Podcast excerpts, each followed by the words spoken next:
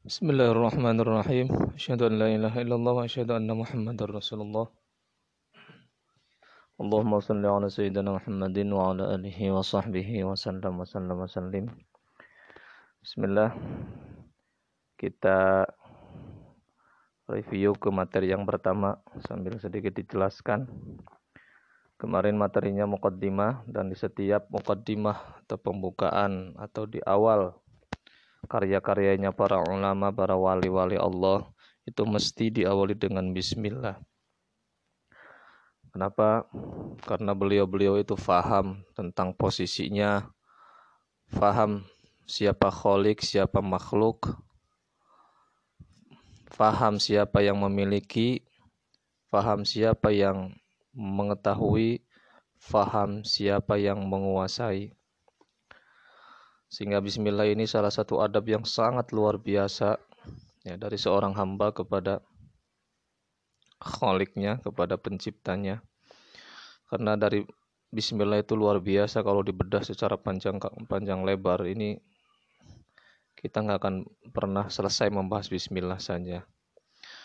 Sedikit yang saya ulas dari bismillah. Apa sih bismillah itu? Ya.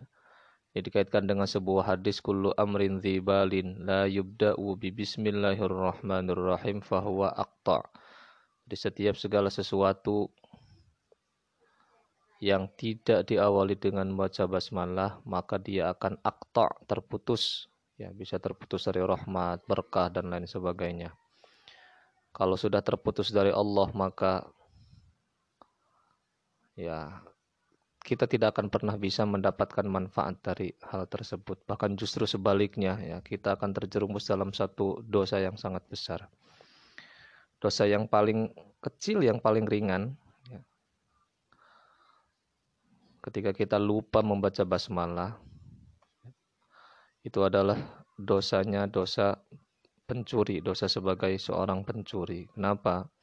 Bismillahirrahmanirrahim. Itu sebetulnya sebuah izin, eh, sebuah permohonan izin, sebuah eh, apa namanya konfirmasi, sebuah tata krama sopan santun kulonuwun kepada Allah.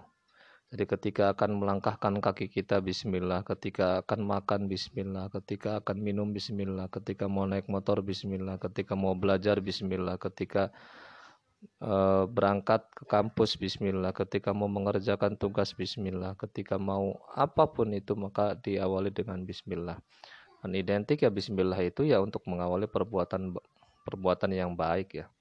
Kalau karena perbuatan jelek sih ya kita tidak akan mampu mengucapkan kalimat itu gitu.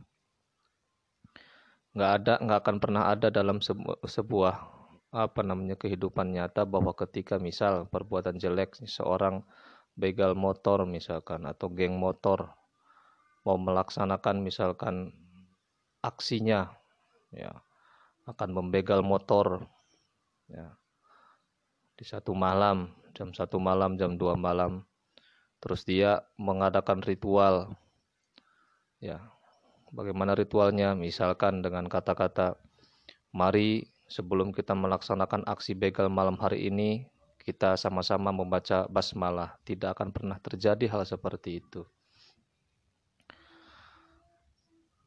Nah, jadi kembali bismillah itu sebetulnya sebuah permohonan izin kepada Allah karena semuanya ini itu adalah milik Allah. Hakikatnya adalah milik Allah, makanan yang milik Allah. Kita seolah-olah kita bisa menanam padi, menanam pohon mangga dan lain sebagainya seolah-olah kita yang mengurus dan kita yang berupaya supaya tanaman yang kita urus itu bisa berbuah padahal semuanya adalah Allah. Apa bukti lain misalkan, Pak saya kan bisa jalan, kenapa harus baca bismillah? Mungkin kita belum pernah tahu, belum pernah merasakan ya ketika eh, ketidakmampuan kita ketika kita sehat, tetapi ketika kita sakit, contoh misalkan, tanyakan saja pada orang yang terkena stroke misalkan. Tanya pada beliau, Pak, apakah Bapak pengen bisa jalan? Pasti jawabnya dia pengen bisa. Tapi karena Allah sudah mencabut kekuatannya untuk bisa berjalan, maka dia tidak akan bisa berjalan.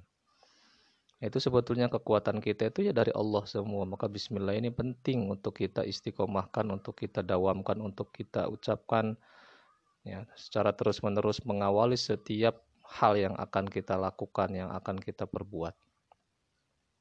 Itu bismillah ya. Jadi dari bismillah saja ini begitu panjang lebar. Belum nanti kenapa Rahman Rahim di sini. Ya. Karena sebetulnya ya karena rahmat Rahman Rahimnya Allah semua ini kita tuh. Bahkan ada sebuah penelitian ketika darah kan gitu di darah itu ada bilik kanan ada bilik kiri kan gitu ya. Itu ternyata dikaitkan dengan Rahman Rahim ya Allah itu sangat-sangat masuk sangat-sangat logis. Karena di situlah sifat Rahman Rahim ya Allah. Darah saja mengalir itu kan dari bilik kanan bilik kiri itu atas Rahman Rahimnya Allah. Jadi sekali lagi penting Bismillah, Bismillah, Bismillah, Bismillah selalu kita dawamkan, selalu kita istiqomahkan untuk dibaca setiap kita mengawali setiap pekerjaan. Ini sekelumit tentang bismillah ya. Bagaimana Pak kalau kita lupa dengan membaca basmalah? Ya ini kali lagi ya karena rahman rahimnya Allah ya. Sudah begitu sering kita meninggalkan Allah, sudah sebegitu jauh kita melupakan Allah, sudah sebegitu jauh kita meninggalkan Allah. Ya karena sifat Rahman Rahimnya Allah itu Allah tuh masih nunggu kalau kita lupa kepadanya hari ini mungkin ditunggu besok sih mungkin ingat. Besok masih lupa mungkin lusa, lusa masih lupa mungkin minggu depan, minggu depan lupa mungkin bulan depan, mungkin tahun depan, mungkin nanti sebelum meninggal. Allah itu masih memberikan keleluasaan sebelum ajal menjemput kita. Bayangkan kalau bismillahnya itu dikaitkannya bukan Rahman Rahim tapi bismillahil jabbaril kohar misalkan. Allah yang maha gagah, Allah yang maha perkasa, Allah yang maha memaksa. Ketika Allah mengedepankan sifat jalaliyahnya kan gitu, sifat keperkasaannya, sifat ke, ke apa namanya memaksanya, maka tidak akan pernah ada orang yang maksiat kepadanya. Jadi ketika misalkan mungkin saja ketika kita lalai kan gitu meninggalkan sholat. Kalau Allah memang yang dikedepankan adalah uh, Al-Jabbar Al-Qahar. Mungkin bisa saja misalkan di sini ada yang namanya Aini misalkan. Aini lupa sholat kan gitu. Bisa saja Allah langsung mengirimkan Israel. Tuh datangi Aini, dia lupa sholat. Bisa saja seperti itu. Itu. Tapi karena Allah saking rahman rahimnya, saking pengasih dan penyayangnya kepada makhluknya sampai akhirnya ditunggu sampai kapan pun. Itu sekelumit tentang bismillah, mudah-mudahan ada manfaatnya. Sadaqallahul adzim. Wallahu a'lam bissawab.